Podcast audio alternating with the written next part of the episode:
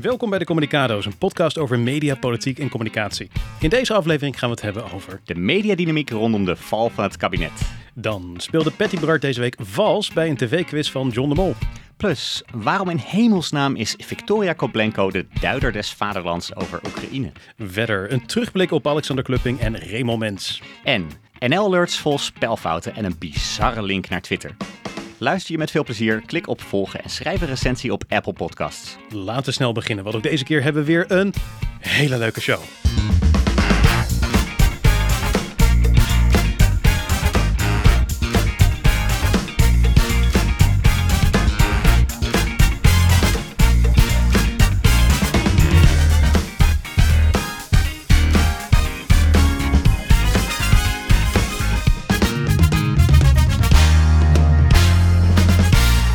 Zo, daar ben je dan. Ja, Je bent weer terug. terug in mijn eigen podcast. Hoe voelde het om twee afleveringen eh, te luisteren waar je zelf niet in zat? Heel raar. Dat kan ik me voorstellen. Echt heel raar. Ja.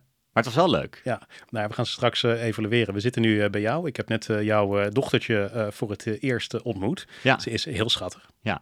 Ja. En meestal is het, zeg maar, wat je moet doen bij een kraamvisite, is dat je na een half uur, zeg maar, weer weggaat.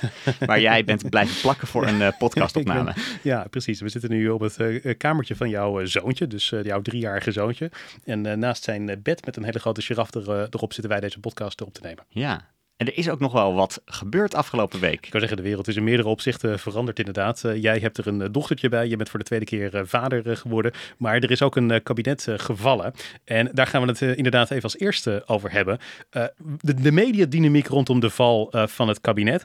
Een van de eerste dingen die mij direct opviel. Dit is gebeurd tijdens het 8 uur journaal. Ja. En dat betekent dat er bij de NOS ook echt heel snel geschakeld moet worden. Ja, nee, want het was zelfs live. Hè. Op een gegeven moment zag je, volgens mij Albert Bos, die was daar aan het praten. Ja. En die hoorde in zijn oortje dat één bron had gezegd dat het kabinet was gevallen. En op dat moment had eh, de NOS al een pushbericht uitgestuurd eh, dat dat inderdaad het geval was. Dus het journaal liep hier achter op het pushbericht wat je op je telefoon had. Eh, Albert Bos moest op dat moment snel improviseren. Dat, dat ging niet heel strak, moet ik zeggen. Maar snel daarna gingen ze naar Xander van der Wulp en die kon dat allemaal wel duiden. En die zei, we hebben meerdere bronnen die nu zeggen dat het kabinet gevallen is. Maar het betekent dat de NOS wel heel snel moest omschakelen. Dat hebben ze ook gedaan. Ze hebben een journaal gemaakt van anderhalf uur maar liefst. Dus dat is echt een heel erg lang acht uur journaal.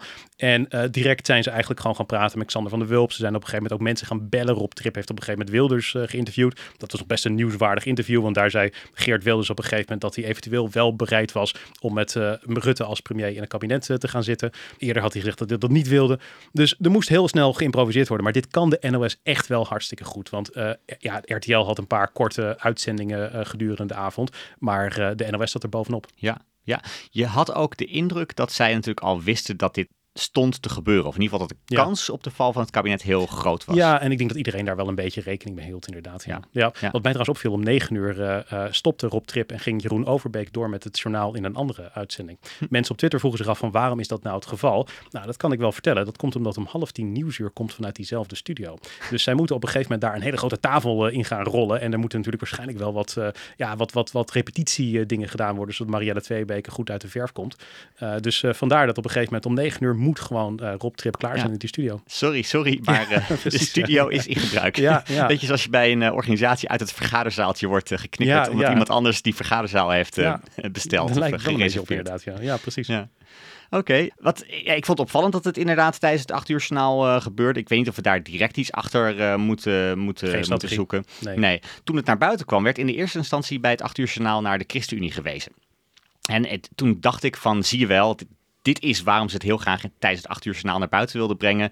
Niet direct tijd voor heel veel diepe analyse, maar nou ja, één verhaal moet naar buiten. Het is de schuld van de ChristenUnie. Dus ik dacht, nou, dat, dat zal dan wel vanuit VVD-bronnen gespind zijn daar. Ja. Maar je hoefde maar vijf minuten of tien minuten te blijven zitten. En toen ja, werd er eigenlijk ook door Xander van der Wulp wel een, ja, een heel eh, slecht beeld, of allerminst flatteus beeld van Rutte geschetst eigenlijk. Hè? Alsof hij de kwade genius is, de Frank Underwood Ja. van de politiek hier, die in zijn eentje eigenlijk dit veroorzaakt heeft. Vond het wel grappig dat uh, later in zijn persconferentie zei Rutte... ik heb vanavond gehoord dat er sommige mensen naar de ChristenUnie wijzen als uh, zij zijn de veroorzaker van deze kabinetsval. Nou, laat ik zeggen, dat is niet het geval. Ja. En toen dacht ik bij mezelf, wacht eens even, wie zit er naar de ChristenUnie te wijzen? Volgens mij helemaal niemand. Volgens mij is dit gewoon alleen Rutte die dit nu roept. En door het te ontkennen op die manier, uh, ja, maakt hij natuurlijk weer... ja, precies, het ja. is een bevestiging daarvan. Ja. U hoort mij niet zeggen dat mijn tegenstander dronken is. Nee, nee ik, ik, zou dat echt nooit zeggen dat mijn tegenstander dronken is. Want ja, ik weet ook helemaal niet of mijn tegenstander dronken is. Het is zo Rutteaans inderdaad, ja. Ja, wat voor mij cruciaal was dat er eigenlijk in de afgelopen dagen al heel veel gelekt werd. En daarom denk ik dat ook wel bij het NOS-journaal en bij anderen ook wel echt wel het gevoel leefde van, ja, dit kabinet gaat uh, vallen. Uh, twee voorbeelden vond ik het uh, meest opvallend. Um, je zou eigenlijk ook met de kennis van vandaag eens de stemming, de podcast De Stemming van Joost Vullings en Xander van der Wulp terug moeten luisteren. Die is vrijdag om één uur opgenomen. En ze kondigen daar feitelijk al de val aan van het kabinet. En ja, ze benoemen daar een grote rol van Rutte, die bewust dingen vroeg, zeggen zij, die ver over de rode lijn van de ChristenUnie heen gingen. Uh, Sophie Hermans, dus de fractievoorzitter van de VVD, die wilde met andere fractievoorzitters onderhandelen. Dat mocht echt niet van de VVD, want ze waren bang dat zij eruit zou komen met de andere fractievoorzitters.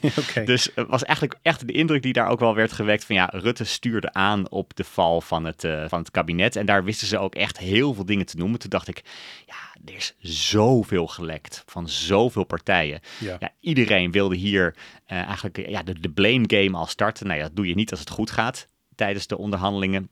Voorbeeld 2, um, ehm, om half zeven op vrijdag kwam het Algemeen Dagblad eigenlijk anderhalf uur voor de val naar buiten met een grote reconstructie van uh, Tobias den Hartog en Hanneke Kultjes.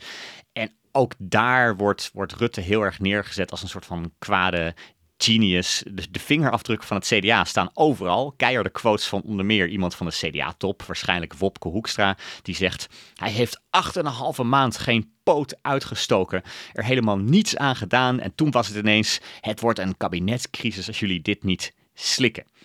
En daar werd heel erg ingezoomd op de, op de rol van, uh, van Rutte. Met ook nog ja, wat, wat pareltjes die je normaal gesproken alleen leest in reconstructies nadat het misging. Uh, er stond bijvoorbeeld voor Hoekstra, wacht dan thuis nog een vervelende verrassing. Hij treft zijn kinderen in de echtelijke sponde, dus kruipt de boomlange CDA'er voor drie uur slaap maar in het bedje van een van de kinderen.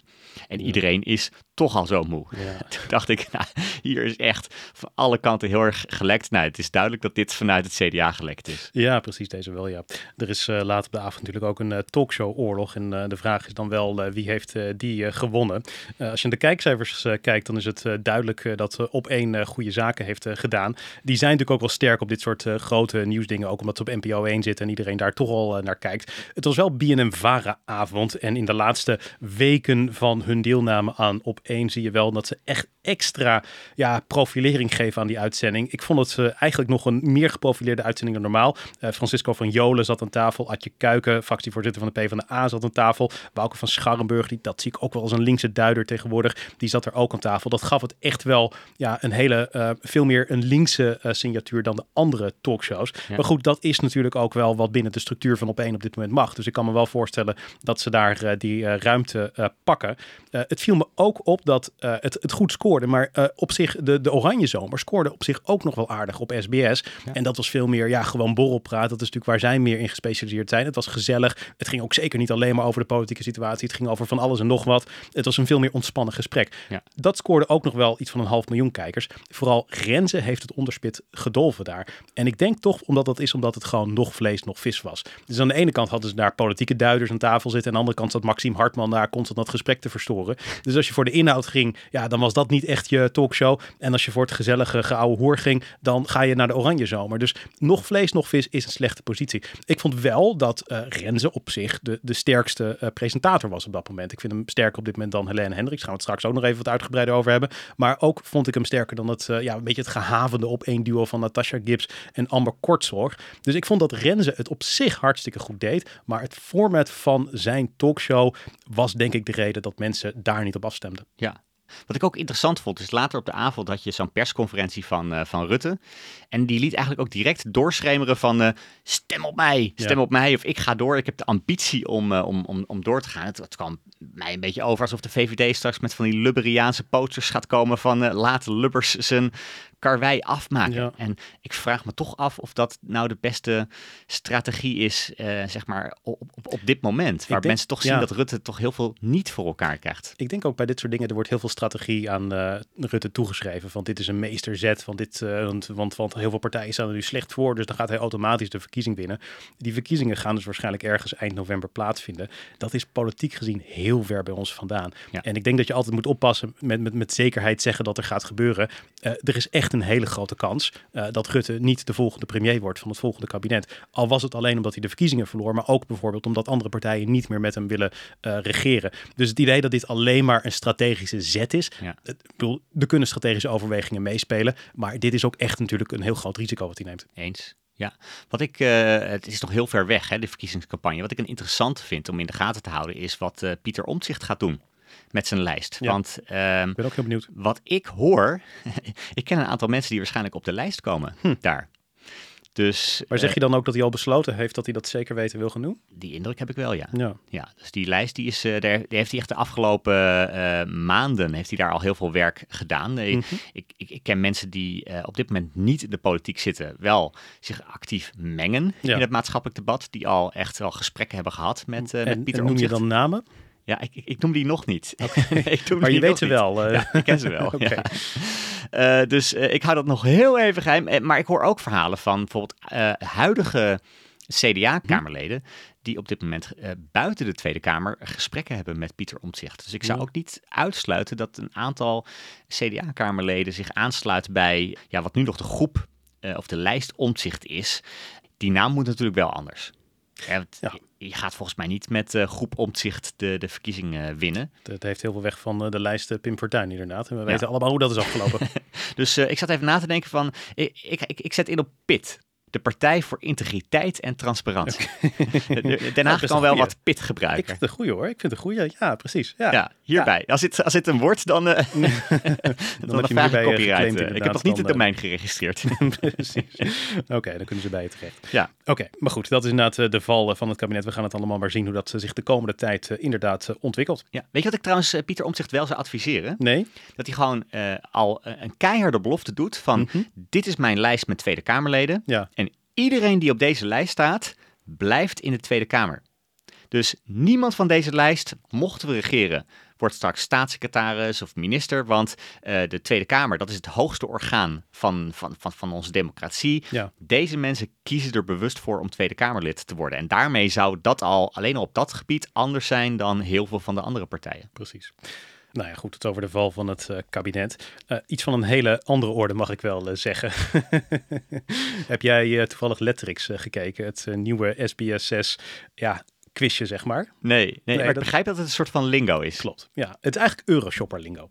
Eh, het is een eh, minder leuk spelletje met een minder leuk decor en ook met een eh, iets minder populaire presentator. Maar ja, het voordeel voor John de Mol is dat hij niet voor het format van Lingo hoeft te betalen. Het is bedacht door zijn eigen team.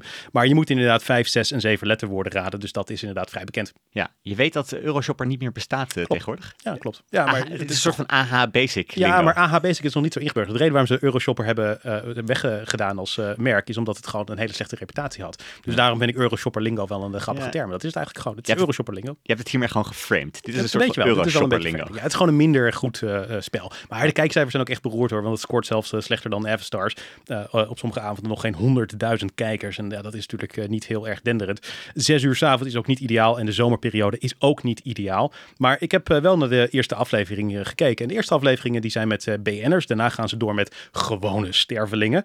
En wat mij echt heel erg opviel aan dit hele programma... is dat ik echt er heilig van overtuigd ben dat Patty Bart eh, vals heeft gespeeld. Voor de reclamebreak ging het enorm slecht. Ja. En na de reclamebreak gaat het ineens goed. Als een soort van Gerard Reven eh, die in haar ontwaakte knalt er eens lastige zeven letterwoorden uit. Eh, ja, ik vond dat echt gewoon totaal ongeloofwaardig. Eh, maar even, het is dus een, je moet, je moet woorden raden. En Ja. het begint in ronde 1 heel gemakkelijk. Het begint met vijf letterwoorden die je moet raden. Dus je krijgt de beginletter en dan moet jij een vijf letterwoord noemen. Nou, Lingo dus. ja, eh, Ja. precies. Exact. Alleen hier is elk vijfletterwoord goed. Eh, een vijfletterwoord dat begint met een V. Kan jij even dat opnoemen? Venijn, Eh, het is I is één teken bij Lingo. eh, het is in dit geval twee. Ja, dat was ook Nee. een ding daar. Ja. Nee, nee, nee. Het is helaas echt, je moet, oh god. Oké, we gaan het hele onderwerp opnieuw doen. Dit is een drama. Je kan vraag zeggen of vroeg of fly. Je moet veel... Nee, nee, laat het erin. Mensen moeten dit horen. Oké, ja, fly. Ja. Ik zeg fly. Oké, nou dat was beter geweest. Fly is inderdaad een goed woord. Vraag is dus ook een goed woord. Nou, al die andere dingen die ik opnoem zijn allemaal goed. Waar kwam Patty mee aanzetten? Geen idee. Ja, met vers. Nee, dat- wacht even, dat is, dat is vier letters. Dat is een vierletter woord. Ja, precies. Nou, dat is dus een drama, want een vierletterwoord is dus niet goed. Dus de en het, spelletje is zo gemaakt dat het eerste woord het makkelijkste is. En daarna wordt het alleen maar moeilijker, want de woorden worden dus langer. Ja, En je moet ook nog meer letters waar je aan moet voldoen. Dus dan zijn er veel minder mogelijke goede antwoorden. ja. Dus daar ging het al mis. Dus dat is al heel erg onheilspellend. Nou, ronde 2 was zes letterwoorden. Een zes letterwoord dat met een N begint. Waar kwam zij mee aanzetten? Neukte. En dan denk ik toch bij mezelf, Patty, het is verdorie zes uur 's avonds dat dit programma wordt uitgezonden. En ja, is dit nou echt het enige woord wat je kan bedenken? Het enige woord is dit woord? Ja, dat is natuurlijk echt enorm gênant. En ze was al de hele tijd dat ze zich enorm zorgen maakte. Dus ze liep al constant te zeggen van, oh, dit gaat allemaal hartstikke slecht en ik kan dit niet en dat soort dingen. Maar goed, toen, reclamebreak. Ja. En toen kwamen de zevenletterwoorden. En nou is er een zevenletterwoord dat begint met een R en eindigt op een S. Hele moeilijke opgave. Wat kwam eruit? Rooibos. Ruimtes. En ik dacht ineens, wow, dit zijn Ja. En haar tegenstander, Gers Pardoel, die had het er allemaal moeilijk bij. In de eerste ronde vloog hij er doorheen. Dat ging allemaal fantastisch bij Gers. Nu was hij enorm aan het struggelen, terwijl Patty het eh, fantastisch deed. Eh, nog eentje, een zevenletterwoord dat begint met een A en eindigt met een T.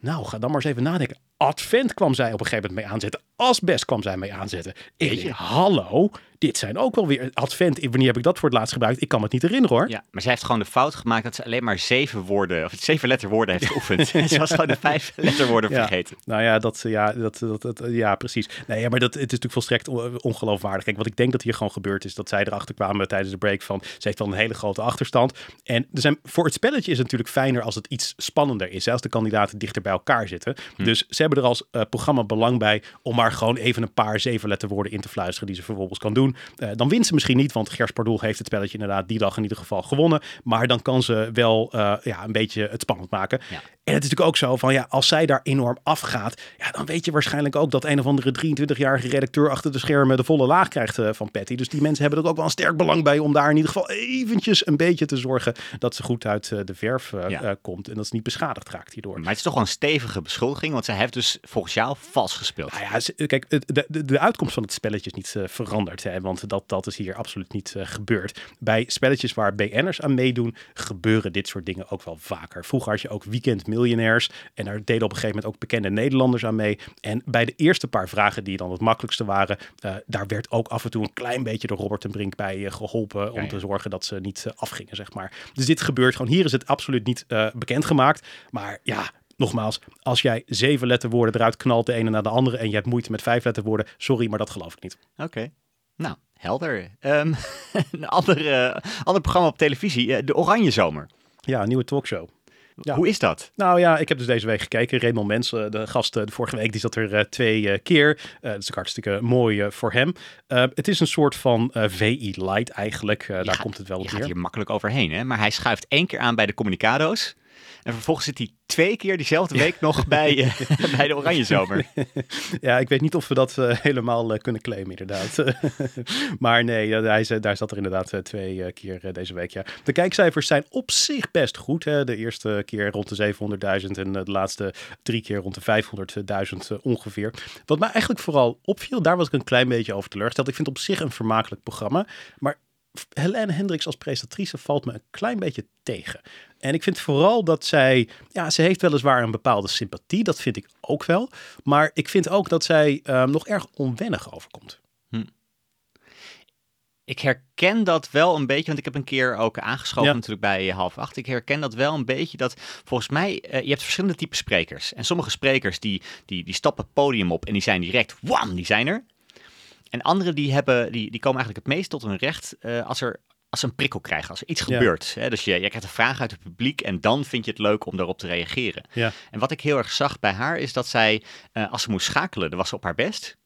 Maar helemaal in het begin misschien ook nog niet. En ik Ja. vond overigens ook dat haar team, dat heb ik ook tegen haar gezegd, het haar niet makkelijk maakte. Want normaal gesproken bij televisieprogramma's wordt de, wordt de zaal lekker opgewarmd. En mensen hebben er een beetje zin in. Ze hebben gelachen Ja. en zo. En Soms soms kan natuurlijk... opwarmer inderdaad. Ja, soms kan de presentator er zelf ook trouwens een rol in spelen. En ik, ik had het gevoel dat dat bij half acht ook nog niet echt veel gebeurde. Dus Nee. zij, zij kwam daar in, in die zaal en het publiek zat daar. En, en, en iedereen stopte gewoon direct met Ja. praten. Weet je wel, dat, je, dat er zo'n stilte Doodse ontstaat. stilte, heerlijk. Ja, Ja, dan Ja, maak je eh, het natuurlijk voor een presentator ook niet makkelijk. Nee.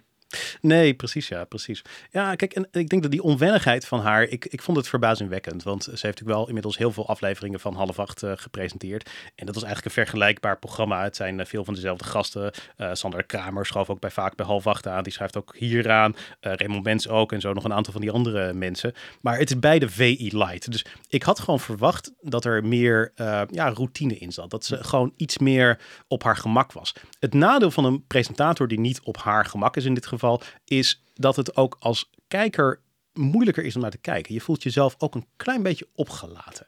Eh, het zijn toch die spiegelneuronen. Hè? Dat, dat, dat, dat zorgt ervoor dat je dat ook heel sterk voelt. En eigenlijk wat Helene Hendricks meer nodig heeft, is een beetje poise. Dat is een, een Brits eh, woord, wat de Britten dan eh, gebruiken om iemand te beschrijven die heel goed is in het verbergen van negatieve emoties. Ja, typisch Brits is dat eigenlijk, zoals schaamte en ongemak. Eh Eva Jinek kan dat echt heel erg goed. Ze is heel erg Ja. spreker. Dat heb ik bij Helene Hendricks minder. Ze is wel sympathiek, maar af en toe vind ik het ongemakkelijk. Ook haar interactie met Eus deze week een paar keer dacht ik van... nog net niet helemaal op, zijn op haar gemak. Ja. En komt dat nog? Want dat zie je natuurlijk bij nieuwe programma's, zie je dat Ja. wel vaker. Maar ik zou dus denken dat omdat ze al zoveel half acht heeft gepresenteerd met deze mensen en hetzelfde vergelijkbare format, ik, als het er nog niet is, dan vraag ik me wel af, gaat het nog komen? Het kan, maar ze heeft er wel veel tijd voor nodig. Ik had verwacht dat ze verder zou zijn in haar ontwikkeling in ieder geval. Ja. Weet je wat, eh, wat, wat pokerspelers hebben? Dat je op een gegeven moment niet ziet of ze, spannend, of, of ze het spannend vinden of niet. Ja. Of ze goede kaarten hebben of niet. Dat wil jij zien bij een presentator. Ja, ja dat, dat, precies. Dat, je moet het een beetje kunnen verbergen. Bij Eva Jinek zie je ook niet of ze een interview spannend vindt. Nee. Maar dat vindt ze misschien van Ja, geen enkel tuurlijk. interview meer. Nou, weet ik niet. Ik denk dat er ook wel eens af en toe wat op het spel staat voor haar als het een groot interview is. Ja. Met een politicus, als ze weet dat er eh, veel mensen speciaal voor kijken, dan denk ik ook wel dat zij daar zenuwachtig voor is. Maar dat, dat hoor je niet te zien, inderdaad. Oké.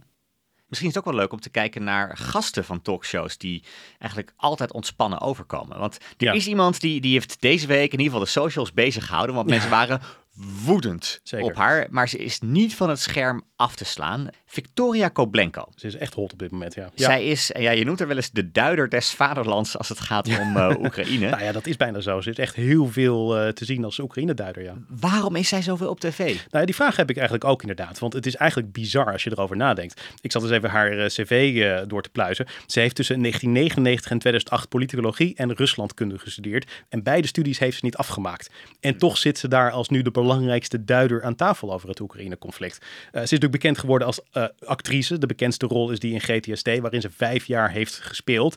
Het is niet de meest logische persoon om een oorlog eh, te gaan duiden tussen twee landen. Dus ik zat wel met de vraag van waarom zit ze daar? Waarom wordt ze constant, zowel door op één als door Renze, uitgenodigd? En ik denk dat er twee redenen zijn. Volgens Tina Nijkamp scoort ze namelijk erg goed in de minutenanalyses. Dat Ja. nou ja, geloof ik wel. Eh, als iemand eh, daarin goed scoort, als ze gewoon, eh, gewoon, gewoon de kijkcijfers omhoog gaan als zij daar zit, dan is dat eh, een goede reden voor een talkshow om haar vaker uit te nodigen. Ja, dus per minuut wordt gekeken hoe je scoort, hoeveel Ja. kijkers je hebt. En eh, de goede gasten die weten kijkers vast te houden. Precies, ja, of zelfs dat ze erbij komen natuurlijk. Eh, Dat is het helemaal het, de ideale situatie. Eh, als ze omlaag gaan, als jij het woord krijgt, dan is dat meestal eh, slecht nieuws inderdaad. Ja. Slecht voor jouw kans om daar vaker te worden uitgenodigd in ieder geval.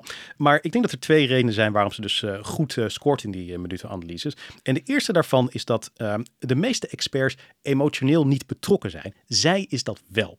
Experts moeten natuurlijk vaak dingen vanuit meerdere invalshoeken bekijken en ze moeten een oordeel niet te veel laten beïnvloeden door gevoelens. En dat betekent dat ze vaak met heel veel distantie praten over, nou ja, verschrikkelijke gebeurtenissen bijvoorbeeld die in een oorlog plaatsvinden. Ja. Terwijl de kijker, die wil er wat bij voelen, die heeft er ook een oordeel bij en die wil dat iemand dan zegt van ja, dat is slecht en dat is verschrikkelijk en dat heeft hele grote consequenties daar voor het Oekraïense volk.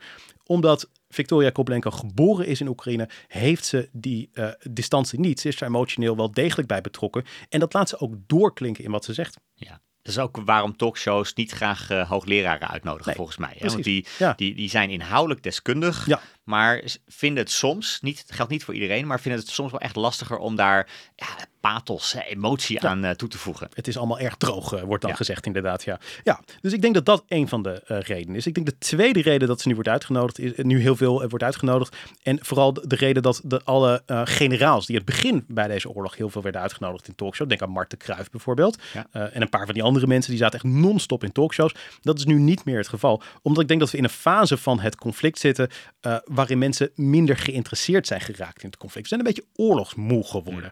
En in het begin wil je er alles van weten. Je wil de meest inhoudelijke duiding hebben. De beste duiding misschien ook wel.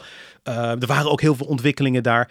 Nu is dat allemaal wat minder. We zijn een beetje gewoon moe geworden van het hele conflict. Dat betekent dat we gewoon af en toe als er groot nieuws is, worden bijgepraat op een toegankelijke, hopelijk een beetje een, een entertaining manier. En dat is wat zij goed kan. Het is Ja. niet de meest inhoudelijke analyse. Het is wel een fijn gepresenteerde analyse. Ja, dus dat is misschien ook wel een beetje de trade-off. Want ik, heb er best moeite mee dat zij nu de experts over Oekraïne. Maar de andere kant is, dat, eh, is waarschijnlijk dat het anders überhaupt niet over Oekraïne zou gaan tijdens het talkshow. Dus dat zij in ieder ja. geval zorgt dat ja, mensen weer wat voelen bij die verschrikkelijke oorlog die Ja. op ons continent nu gestreden wordt. Dat denk ik wel. Maar het moet voor sommige van die generaals natuurlijk ook eh, bizar zijn. Want die zaten in het begin heel vaak bij die talkshows. Vermoedelijk eh, zijn ze ook wel eens gepolst of ze willen aanschuiven. En dan heb je dus een gedecoreerde generaal die, die zijn uniform vol heeft hangen met allerlei medailles. En dan is er een eh, 26-jarige talkshow-redacteur die zegt... eh, ja, eh, meneer, we hebben ja toch voor eh, actrice Victoria Koblenko gekozen vanavond. Sorry, eh Renze gaat niet door. en dan denk ik toch wel dat je bij jezelf gaat twijfelen over jouw levenskeuzes Ja. op dat moment. Of, weet- of dat je afgebeld wordt en dat je denkt, nou, misschien hebben ze voor een ander onderwerp gekozen. En dat je dan s'avonds de televisie aanzet en Ja. dan Victoria Koblenko ziet. Ja, precies. Ja. dat is bizar, ja. Ja. nou ja, goed, eh, dat is volgens mij de reden. Maar goed, eh, ze was inderdaad eh, deze week een beetje negatief in het nieuws. Ze zei natuurlijk ook wat onhandige dingen over kassabonnetjes en dat soort zaken. Dat, ja, dat is dan Ze zei dat ze, of zij zei dat ze giftig zijn. klopt, klopt. Ja, dat zijn ze dus niet. Nee. Nee. En direct Ja. sprongen we met z'n allen op haar. Ja, precies. Ja. Ja, zoals dat gaat. Ja, iemand oh, eh, eh, ja, ja, op wie gesprongen is, dat is misschien niet een, eh, een, een, een, een goede manier om het te verwoorden. Maar iemand die veel eh, onder vuur heeft gelegen in het maatschappelijk debat. Ja. eh, en zeker in televisieland is Roos Zeker. Slikker. Ja, klopt ja.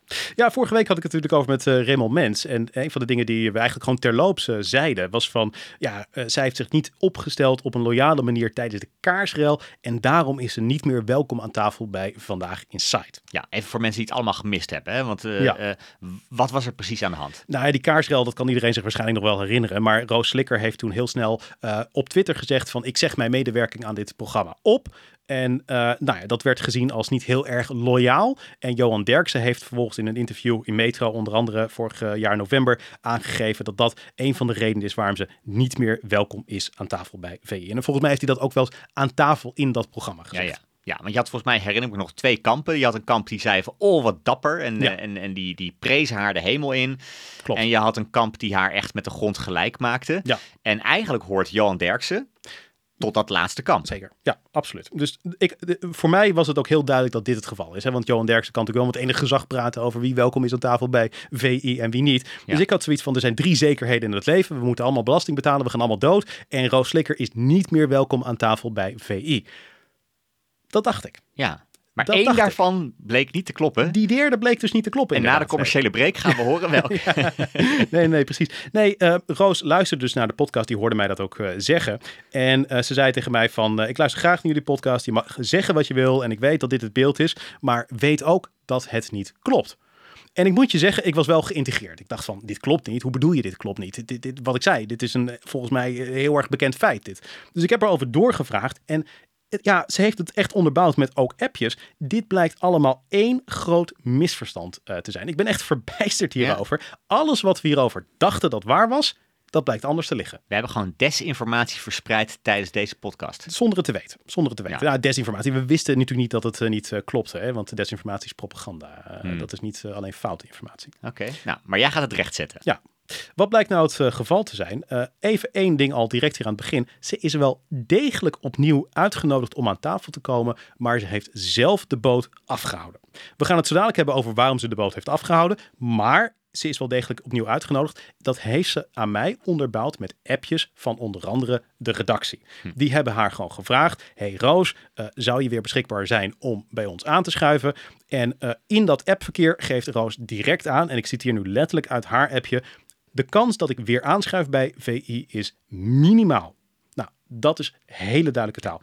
Uh, dus toen Johan Derksen begon te roepen in de metro dat ze uh, niet meer aan mocht uh, schrijven, heeft ze de redacteur daarop aangesproken. Die heeft gezegd van ja, maar dat klopte niet. Die redacteur van dat programma van Vandaag in Site bevestigde dat dat niet klopte. Hij zei ook dat het niet netjes was en hij zou het aankaarten bij Johan Derksen. Hm. Dus de redactie heeft haar zeker weten opnieuw uitgenodigd. Zij heeft de boot afgehouden. Ja, maar waarom wilden ze dan niet aan tafel schuiven? Nou, dat is dan de vraag inderdaad, ja. Daar heeft ze ook een hele duidelijke verklaring voor. Zij uh, ziet gewoon op tegen alle drek die zij over zich heen krijgt. Met die kaarsrel uh, ja, zijn er heel veel mensen die het leuk vinden om haar dan een foto te sturen van een vagina met een kaars erin. En ja, als dat één keer gebeurt, dan, uh, dan kan je er nog wel overheen kijken. Als dat tien keer gebeurt, is het irritant. Als het vijftig keer gebeurt, ja, dan begin je het wel heel vervelend te vinden. En dit is dus wat er gebeurt. Dus ze krijgt ontzettend veel drek over zich heen. en van, nou ja, van al dit soort dingen, van, van een aantal internet-trollen die het uh, grappig vonden om haar, uh, nou ja, goed, een beetje te sarren eigenlijk. Daar komt het wel uh, op neer.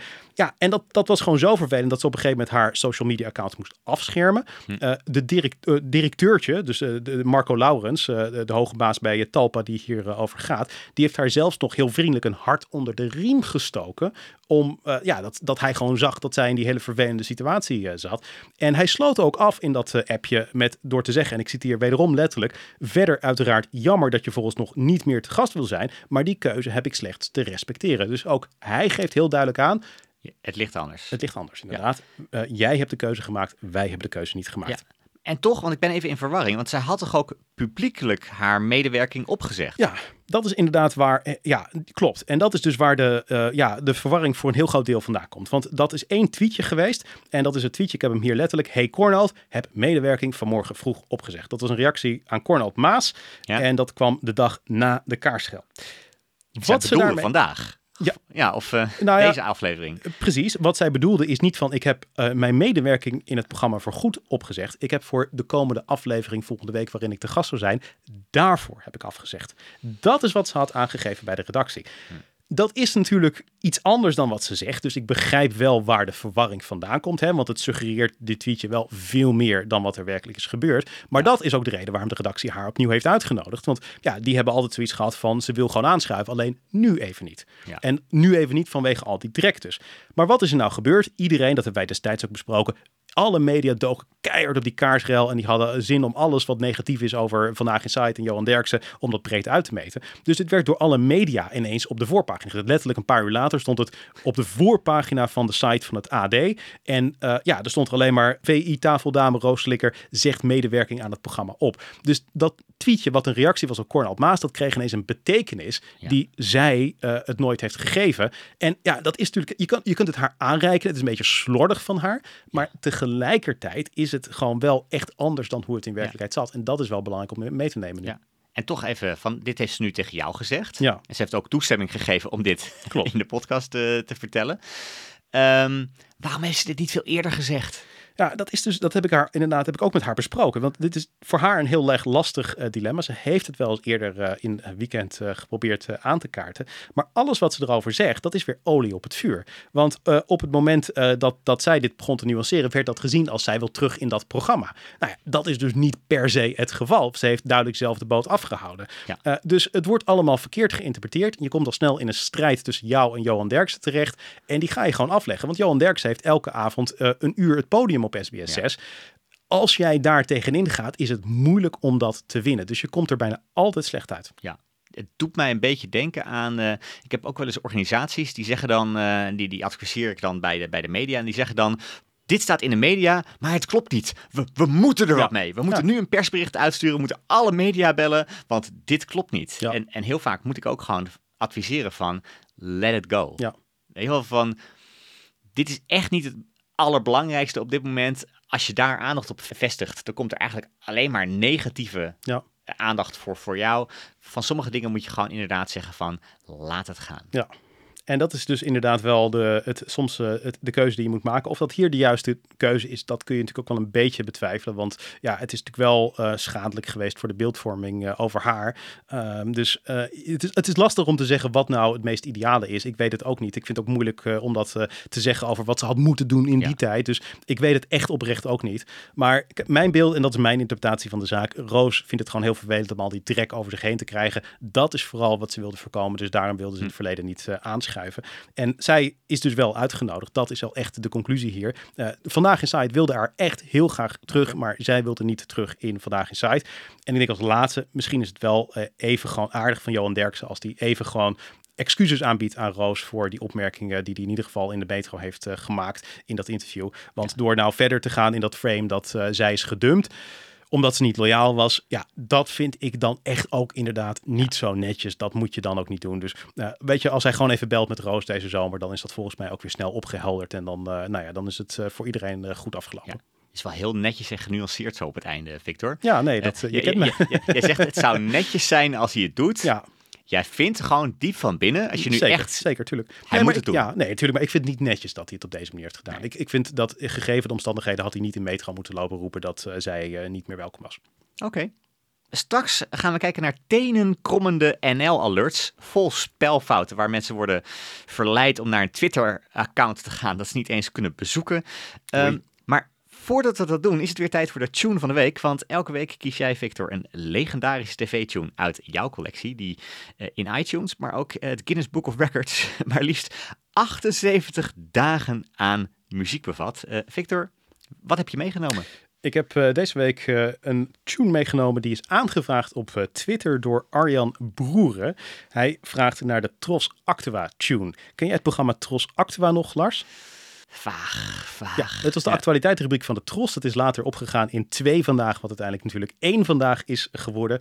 Dit is de tune die is gebruikt van 1988 tot en met 1993. Uh, we gaan er eerst even naar luisteren en dan ga ik er wat over vertellen. Want deze is ook in het buitenland gebruikt voor andere dingen. Laten we eerst even naar de tune luisteren.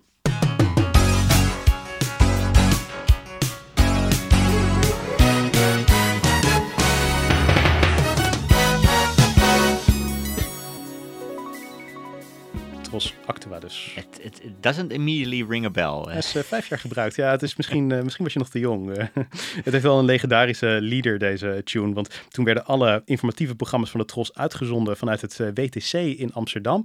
En daar was dan een soort van camera die vloog langs dat gebouw. Een hele mooie computeranimatie was dan gemaakt. En via de draaideur gingen ze dan naar binnen. En dan zag je daar de studio van het programma. dus dat zag er wel aardig uit. het grappige is, de tune is gemaakt door Jam Creative Productions in de Verenigde Staten. Die maken heel veel radio-jingles. En dit is onderdeel van een jinglepakket wat de Tros destijds gebruikte, ook voor Tros Radio.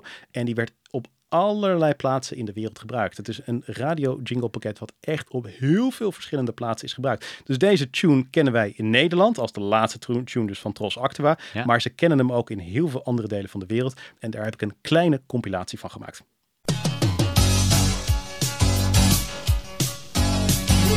Nationale hitparade Tros Radio.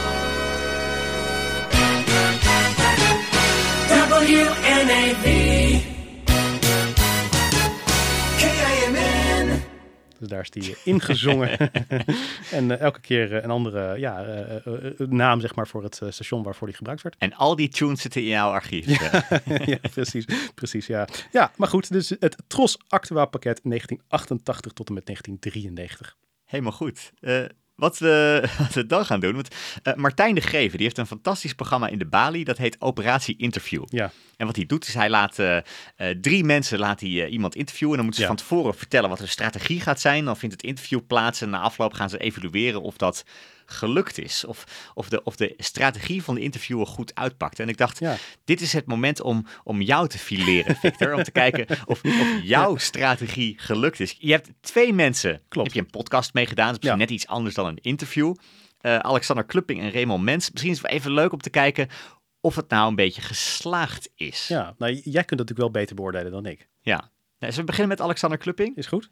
Ik, ik vond dat er ontzettend veel leuke dingen in de podcast zaten. Uh -huh. Hij was natuurlijk wel een beetje lang. Ja, hij was wel Hij was echt veel te lang. En ik heb er nog een deel uit moeten knippen ook, ja. En hij was, hij was, in het begin was hij 1 uur 40, dat is echt dramatisch. Ja. Uiteindelijk heb ik er in het begin uh, wat uitgehaald. Ja, maar, maar normaal gesproken ken ik jou heel erg als een man van de tijd. Op ja. een gegeven moment zit je in zo'n gesprek en dan moet je toch zelf ook doorhebben dat het te lang duurt. Het probleem was dat ik ten eerste de tijd niet goed heb bijgehouden, omdat ik op een andere locatie zat en ik was uh, vergeten op het klokje te kijken. Dus ik hm. keek op het klokje en toen waren we al 10 minuten bezig en ik had het me niet gerealiseerd. Dus dat, daar ging het echt al inderdaad mis. Ik vond hem ook inderdaad uh, te lang en dat vond ik slordig aan mijn kant, ja. Ik vond ook een beetje, het kwam op mij een beetje over alsof jij de, de koning hemzelf aan het interviewen was. Mm -hmm. Dat je echt dacht van, ik zit hier met de grote Alexander Klupping. Ja, ja ik, voel, ik, ik was dus daar best wel zenuwachtig over. Ik vond het heel erg stressvol. Ik ben ook heel blij dat je het weer terug bent. Maar wat ik er stressvol aan vond, is dat ik denk van, dit hebben we nog niet eerder gedaan. Ja. Dus ik, ik had echt zoiets van, als dit mislukt, kijk, niemand gaat zeggen, ja, Alexander Klupping is duidelijk een slechte gast. Dat ligt aan hem. Weet je, ik bedoel, er wordt er even in interview. Ja, nee, precies. Iedereen zegt dat ligt aan Victor Vlam natuurlijk. Dus ik voelde wel echt wel veel stress. En ik was denk ik ook wel een beetje in die zin overprepared. Dat ik dacht van, als hij dit zegt, kan ik daarop inspringen. Als hij dit zegt, kan ik daarop inspringen.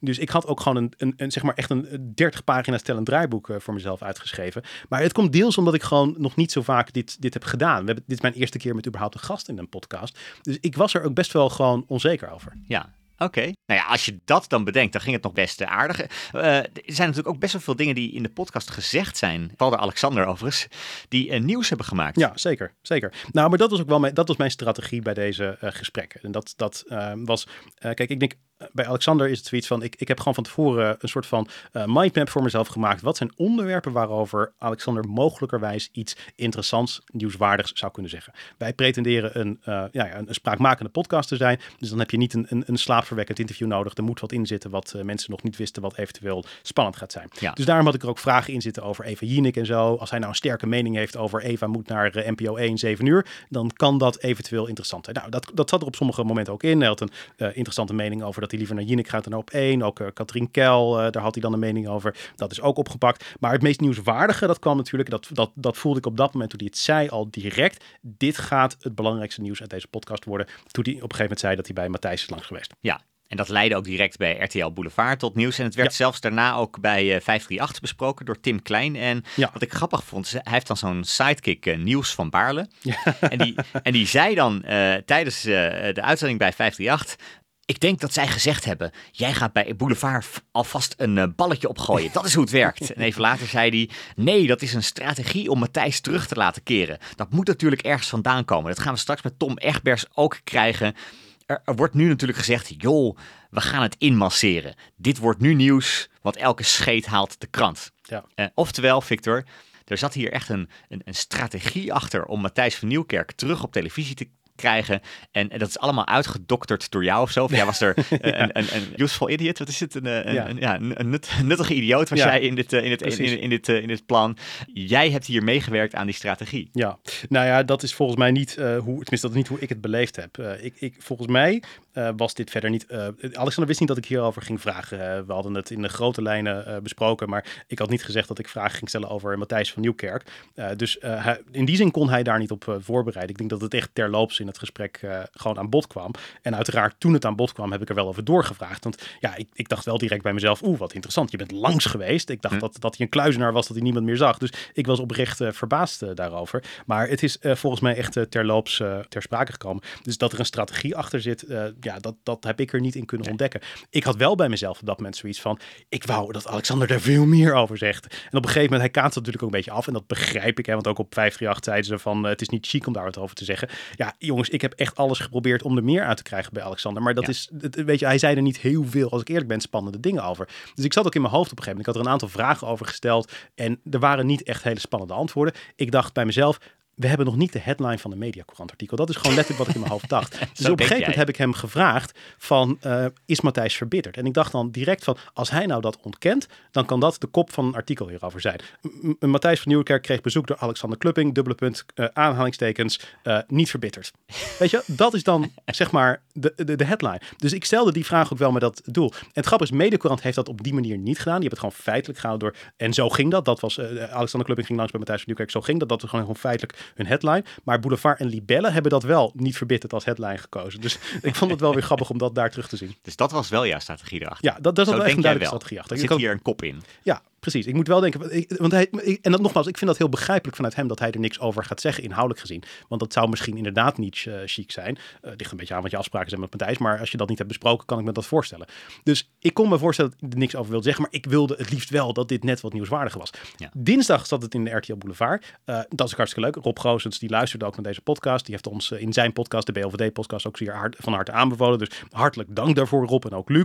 Fijn dat jullie dat deden. Maar het is natuurlijk ja, dankzij hem dat dat daar in Boulevard terecht eh, kwam. Shownieuws, we nemen dit op op zaterdag. Heeft het vanavond ook in de uitzending eh, zitten. Want eh, ze hebben vandaag ook om toestemming gevraagd om dat uit te zenden. Ja. Dus Boulevard twee weken geleden, shownieuws vanavond inderdaad. Oké. Wat ik, wat ik grappig vond, dus, is dat bij 538 werd dus hele, zo- een soort van machiavellistische strategie hierachter gezocht. Ja, Het valt me op dat dat heel vaak wordt gedaan. Ja. hè. Dat, dat er een soort van veel, ja. strategie achter iets wordt gezocht wat in dit geval eigenlijk vooral toeval was. Eh, je stelde de vraag wel, maar ja, en je vroeg er ook wel goed op door. Maar het was niet dat je dat van tevoren besprak, of besproken had of zo met, eh, met, eh, met Alexander. Dat zie ik natuurlijk wel vaker. En Ja. Boris van der Ham, de oude politicus, eh, D66 eh, Tweede Kamerlid, die, die, die heeft ook één punt dat hij heel vaak herhaalt. Mhm. Die zegt als mensen de politiek analyseren, dan moeten ze eens wat minder naar House of Cards kijken en wat meer naar Sesamstraat. Want, want kijk, House of Cards, dat is echt inderdaad eh, eh, eh, Frank Underwood Ja, en alles is, Alles is strategie. alles is strategie. En Sesamstraat is gewoon, ik ben boos op jou. Ja. Ja. en daarom doe ik dit. Ja. Politiek is gewoon meer Sesamstraat. Maar dat vind ik ook hoor. Want ik heb heel veel eh, politieke memoires ook gelezen in het verleden. En daar zie je ook gewoon dat heel veel ontstaat gewoon toevallig. En er wordt vaak strategie bijgezocht, terwijl het er echt totaal niet was inderdaad. Ja. Dus ja, ik vond het ook wel grappig om die eh, discussie op 538 eh, te luisteren. Want ik dacht ook bij mezelf, ja, dit is zo ongeïnformeerd hoe erover wordt gesproken. Dat is gewoon verbijsterend eerlijk gezegd. Eh, het is gewoon echt dat je denkt van, jongens, jullie hebben niet eens het gesprek zelf beluisterd. Want anders had je er wel een iets duidelijkere, betere mening over. Hmm, Oké, dus moet, ook zij moeten gewoon het, eh, de bron En luisteren. ze hebben ook gewoon tijd te vullen. Hè? Dat, dat is ook hoe het gaat bij zo'n eh, ochtendprogramma. Je hebt elke ochtend, eh, wat is het, drie of vier uur. Dus de, de- ze, ze lezen gewoon even snel een artikel erover en hebben er een gepeperde mening over. En dat is weer vijf minuten gevuld. Ja. De tweede gast, dat was Raymond Mens. Ja. En ik, en ik moet eerlijk toegeven, Mhm. ik had me een beetje in hem vergist.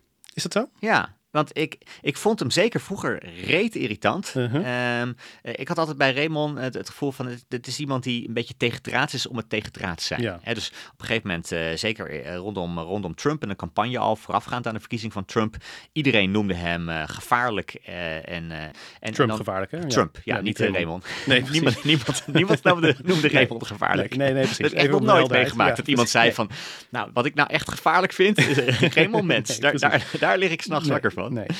Maar eh, dat hij dan een beetje, een beetje tegengas continu aan het geven was van gevaarlijk, gevaarlijk. Nee hoor. Ja. Ehm, en, dan, en dan noemde hij iets wat anders. En ik had toen echt het gevoel van dat doet hij, dat doet hij gewoon om het tegendraad zijn. Misschien ook wel omdat hij daar meer aandacht mee krijgt. Maar ik vond dat hij in de podcast wel goed uit kon leggen waarom het wel belangrijk is om een andere kant te laten zien. En dat, Ja. dat hij dat ook wel zorgvuldiger doet dan wat mijn indruk was destijds. En hij heeft ook wel een duidelijke nut van uitgelegd. Dat je af en toe ook wel eh, mensen zelf moet laten oordelen. Dat er nu te veel standpunten worden ingenomen. Ik vond het eigenlijk nog wel, ja, tenminste het belangrijkste persoonlijk om met hem te bespreken.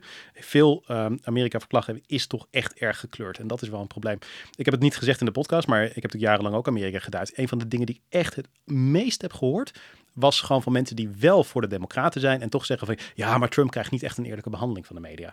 En het feit dat mensen die dus pro-democratisch zijn, zelfs in Nederland allemaal zeggen dat eh, Trump geen eerlijke behandeling krijgt, dat is een slecht signaal. En ik denk daarom dat op zich Raymond er verstandig aan doet om te zorgen dat hij mensen zelf laat beslissen door ook het argument van Trump goed te duiden. Ja, En niet had- alleen te verwerpen. Ja, ik weet overigens niet of ik het daarmee eens ben dat hij, niet, dat hij niet eerlijk werd behandeld. Ik denk namelijk dat je kan kijken naar hoe de verslaggeving was.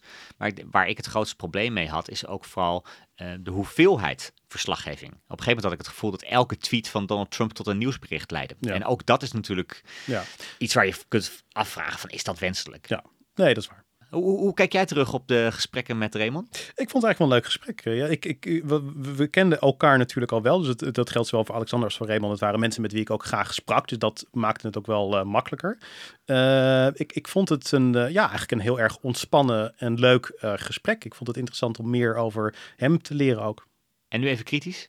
Nee, eh, het grappige is mijn theorie over Een het hij niet- zelfbevlekkingspodcast Nou ja, geworden zo. Kijk, eh. ik, ik denk het enige is dat, eh, kijk, hij is natuurlijk, ehm, eh, dat zei ik ook tegen hem net, hij is niet heel erg spraakmakend.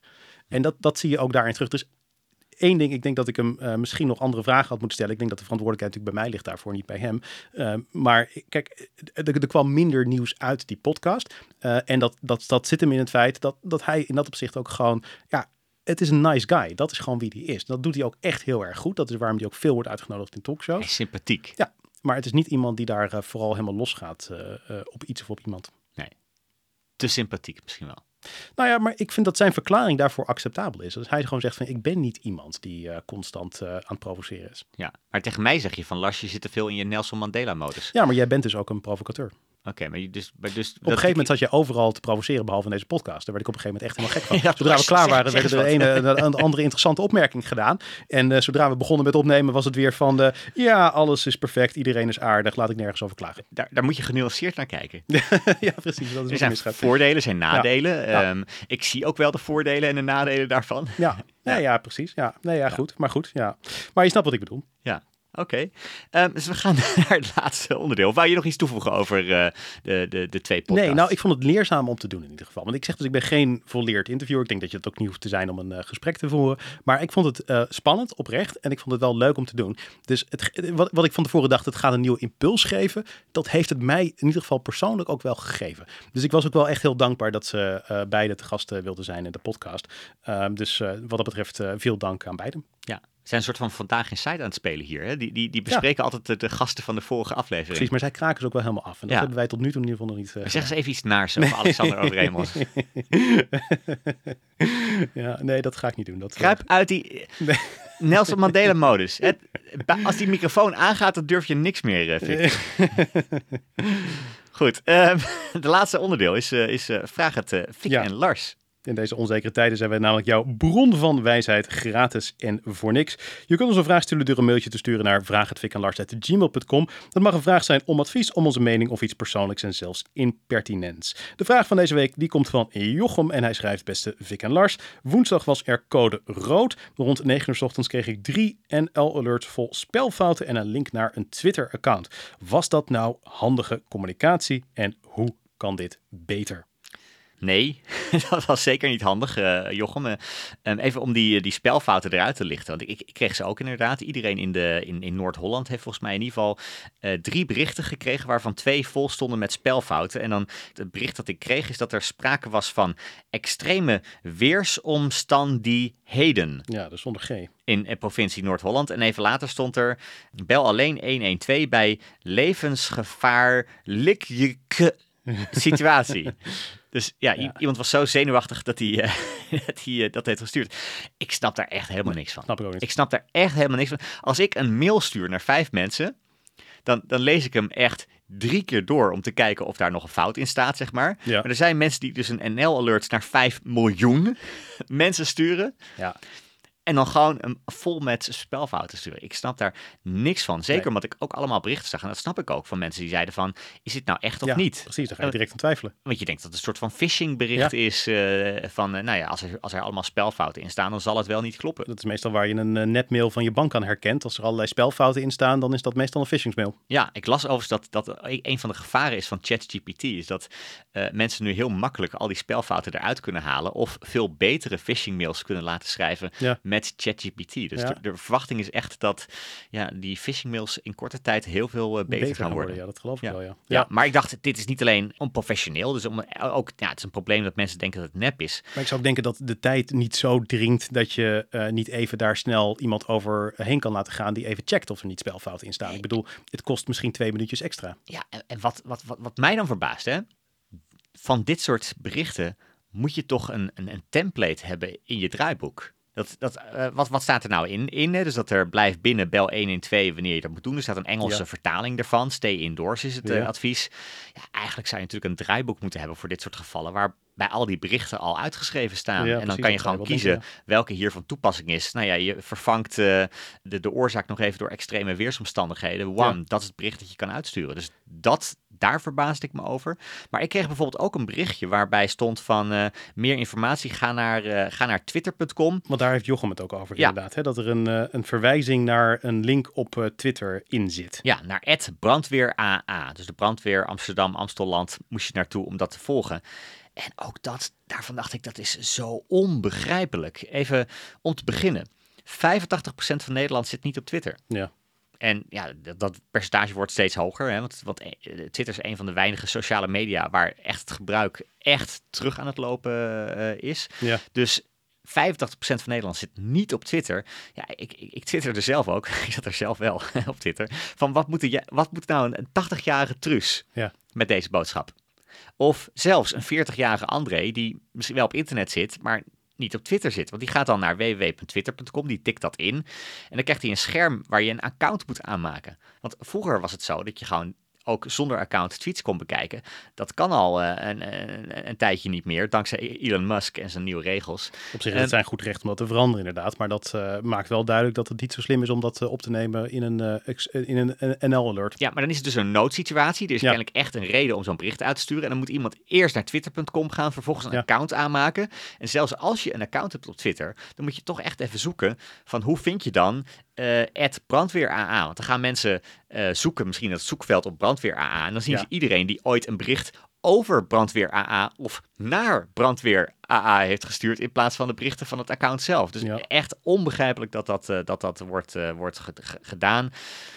Dit zijn dingen die je voor de grote massa schrijft. En die is niet eh, per se heel bekend met hoe Twitter werkt Nee. inderdaad. Ja, dus dit is heel gek, ja. Ja, en ik zei ook, want ik werd er eh, eh, in het Algemeen Dagblad over geïnterviewd. Ik zei van, kijk, dit, dit was storm. En storm, daar, daar raken mensen niet echt van in paniek. Hè? Dus, dus dat het hier niet tot grote gevolgen heeft geleid, ja, dat is eigenlijk heel logisch. Maar stel nou dat er een giftige wolk de richting van Amsterdam of een andere stad zou komen. Of dat er misschien wel een, een nucleair incident eh, zou zijn ergens. Ja, dan, dat je mensen stuurt naar eh, een account waar ze, waar ze niks waar ze niet kunnen vinden waar ze naar op zoek zijn. Eh, Bizar. Dus Ja. dat, daar moet echt over nagedacht worden. En tegelijkertijd dacht ik ook wel van, maar wat dan wel? Ja. Want ik snap best dat als jij bijvoorbeeld een bericht maakt voor de regio Amsterdam. Als jij iedereen een bericht stuurt van, kijk naar AT5 voor updates. Ja, anno 2023 zetten mensen dan niet de televisie aan, maar gaan ze met z'n allen naar www.at5.nl. Ja. Nou, ik kan je één garantie geven, als, eh, als een paar honderdduizend Amsterdammers tegelijkertijd naar www.at5.nl gaan, ja, dan is die site eruit. Ja, ja. Dus ik denk dat je alleen om die reden kan je mensen dus niet adviseren om bijvoorbeeld eh, eh, AT5 te gaan kijken. Maar de overheid heeft een website, crisis.nl. Die is speciaal gemaakt voor crisis. Dan zou je zeggen, nou, zet de tv aan en kijk naar Nederland 1 of zo. Hè? Ja. Of ga naar NPO 1. www.crisis.nl. Dan heb je in ieder geval mensen een mogelijkheid gegeven om wel informatie te vinden. Dus dat is iets wat volgens mij echt wel veel slimmer kan. Ik vind het wel grappig dat je echt heel erg vast blijft houden aan Nederland 1. Ja. Oh, NPO. Ja. NPO 1. Ja, het is echt al is een aantal jaar Nederland geleden 1. veranderd. Ja. Nee, je mag eraan vast blijven houden. Dat als jij dat wil, dan moet je dat vooral doen. Ik vind het een hypocriet verwijt van iemand die het over Euroshopper heeft. Nee, maar dat was juist omdat het dat was een bewuste stijlkeuze. Nee, ik vind Nederland 1 vind ik mooi. Oké, dat mag, dat mag. Kijk Ja. naar NPO 1. Ja, oké. Maar goed, dat is in ieder geval de vraag eh, van eh, Jochem. Eh goede suggesties over hoe dat beter kan, want dit was natuurlijk echt wel bizar inderdaad. Heb jij ook een vraag, dan kan je hem sturen naar vraaghetvikenlars.gmail.com en dan gaan wij misschien jouw vraag bespreken. Nou, het zit er weer op. Hoe was Ja. het, je eerste aflevering terug? Nee, eh, eh, leuk. ik had weer- trouwens hoop dat mensen volgende keer eh, vragen stellen aan eh Vraag het Fik en Lars over dat protest dat ik heb geleid. Ja, ik heb gewoon, jij, jij zat hier een paar makkelijke interviews te doen met, met Alexander en Raymond. ja, Ik heb gewoon 400 mensen de straat op gekregen ja. die een uur lang de straat geblokkeerd hebben. Ja, ja nee, dat, het gaat hier over de knip. Nee, precies, heel goed. Dat, dat, je, je, wil nu, je stelt nu jezelf je vraag. Ja, jezelf eigenlijk een vraag. Oké. Mensen kunnen daarnaar vragen. Je kunt het hem ook persoonlijk vragen als je daarin geïnteresseerd bent. Dit heeft allemaal eh, betrekking op eh, eh, de, de, de verkeerssituatie hier in Amsterdam. eh, kennelijk. de- maar goed. Oké, goed. Tot zover deze aflevering van de Communicado's. Luister je met veel plezier. Klik dan op volgen en schrijf direct een recensie op Apple Podcast. Een hele fijne week. Hoi hoi.